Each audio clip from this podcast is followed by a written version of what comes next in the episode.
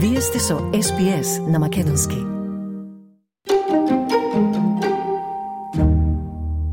На годишното обраќање во Европскиот парламент во Страсбур, председателката на Европската комисија Урсула фон дер Лајен рече дека Унијата може да се прошири и пред да се реформира.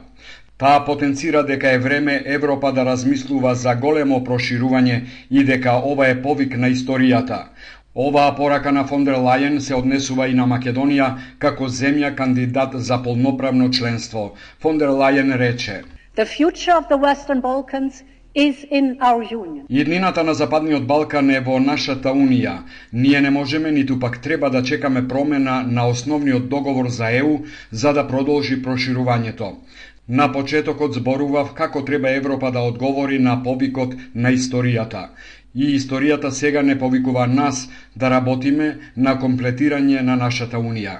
Во свет во кој некој се обидува да ги нападне земјите една по една, не можеме да си дозволиме да ги оставиме нашите сограѓани европејци на цедило. We cannot afford to leave our fellow Europeans behind. Говорот на фон дер Лајен за новата визија на Европа беше прекинуван неколку пати со громогласни аплаузи. Фон дер Лајен рече дека Унијата треба да биде комплетна со над 500 милиони луѓе. Таа потенцира дека владењето на правото останува клучен приоритет и испрати порака до земјите кандидатки.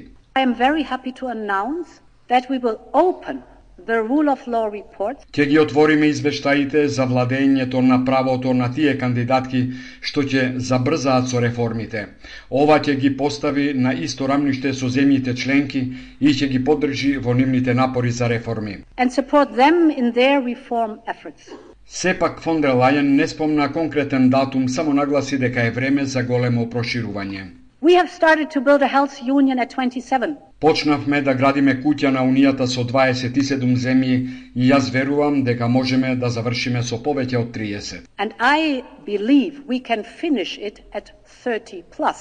За разлика од председателката на Европската комисија, председателот на Европскиот совет Шарл Мишел за време на Блецкиот стратешки форум постави временска рамка и рече дека ЕУ мора да ги отвори вратите до 2030 година.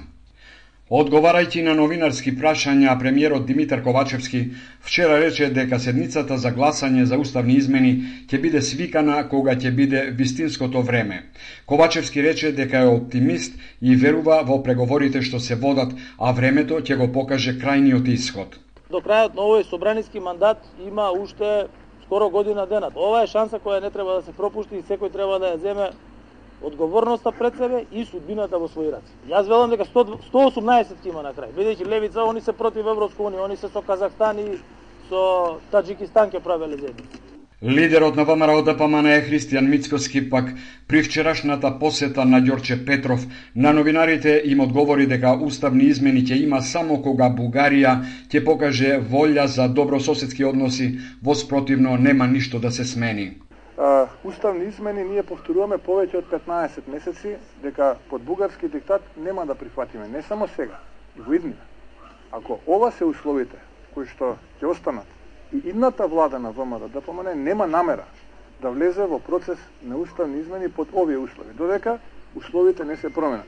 Бугарскиот председател Румен Радев пак во интервју за грчката новинска агенција АНМПА изјавува дека измените на македонскиот устав не се бугарски барања, туку европски.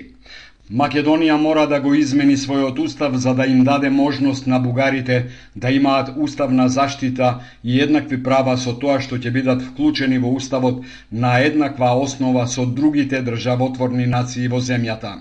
Треба да се искорени јазикот на омраза и насилството врз бугарите, да се почитува и да се заштити бугарското културно и историско наследство, вели Радев за грчката новинска агенција АНА МПА. Измените на кривичниот законник се во согласност со европската регулатива и ќе донесат поефикасен судски систем, тврди премиерот Ковачевски. Тој вели дека такви одредби за злоупотреба на службената положба имаат и Германија и Словенија. Ковачевски тврди дека сите процеси се во консултација со Брисел, а европското знаменце, ставено над насловот на законот, не е злоупотребено.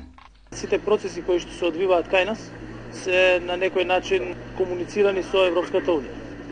Она што јас можам да го повторам уште еднаш е дека измените кои што беа направени се направени во согласност со законодавства кои што важат во Европската Унија. Се покажа дека законот е веќе донесен и ништо драматично не се случи. Тоа значи дека не бил правен наменски за нешто или за некого, туку дека е правен заради подобрување на системот. Сепак Европската комисија се јави со спротивно тврдење. Комисијата соопштува дека македонските власти немале консултации со Брисел на оваа тема. Комисијата забележува дека е загрижена поради тоа што експресно донесените измени можат да влијаат и на голем број случаи од високата корупција, односно дека тие ќе донесат застареност на голем број предмети. Вчера со реакција се јави и Македонскиот Врховен суд, кој тврди дека добил непотполна верзија на измените на кривичниот законик без спорните членови со кои се намалуваат казните за функционерите. Со тоа беше оневозможено Врховниот суд да даде мислење за донесените законски измени што представуваат прашање од висок јавен интерес. Врховниот суд смета дека донесувањето на законски измени без транспарентен процес преку јавна дебата и стручна расправа е спротивно на заложбите за реформи на законодавството во согласност со европските стандарди, соопшти вчера Врховниот суд. Министерството за правда го објави предлог законот за амнестија. Според овој закон, од затвор излегуваат сите осудени до 6 месеци, а осудените над 6 месеци ќе добијат намалување на казната за 30 на 100. Законот нема да важи за избрани и именувани лица, лица кои се бараат со потерница, тие што биле амнестирани со предходниот закон од пред 5 години и за дела сторени по 1 септември. Министерството појаснува дека целта е да се реши пренатрупаноста во затворите. Но Мицкоски вели дека опозицијата не е консултирана и нема да го поддржи законот, односно ќе ја блокира процедурата за донесување. Тој закон кој што е предложен, а од вчера и а, на јавноста достапен, е закон за амнестија на криминалци за кои одредени политички партии во минатото даваа ветување дека ќе бидат или ослободени целосно или делумно. За жал, тие политички партии или дело тие политички партии денеска се одвладат. И во име на тоа, ВМРО ДПМН не само што нема да го поддржи овој закон за амнестија, туку и истиот преку демократски алатки ќе го блокира. Законот за амнестија се очекува да биде усвоен на следната владина седница во вторник, пошто ќе се прати во Собранискиот дом. Проценките се дека законот за амнестија ќе им донесе слобода на 1500 лица од над 2400 кои во моментов издржуваат затворска казна. Судската администрација ќе продолжи со работа, но и со протестите. Штрајкот го ставија во мирување поради преговори со надлежните. Ако во законскиот рок за диалог не бидат исполнети нивните барања, ќе одат на генерален штрајк. Наместо предвидените 10, бараат за 30 на 100 зголемување на платите. Просечната плата која се исплаќа на судската служба е 20.000 денари. Кошничката објавена од Државниот завод за статистика, е 49.530 денари. Па ние само сакаме да имаме достоинствена плата, за да сме платени за работата што ја извршуваме. Незадоволни се и што им се скратени додатоците на платата, а за сметка на тоа функционерите си обезбедиле повисоки примања за 78%, велат синдикалните лидери.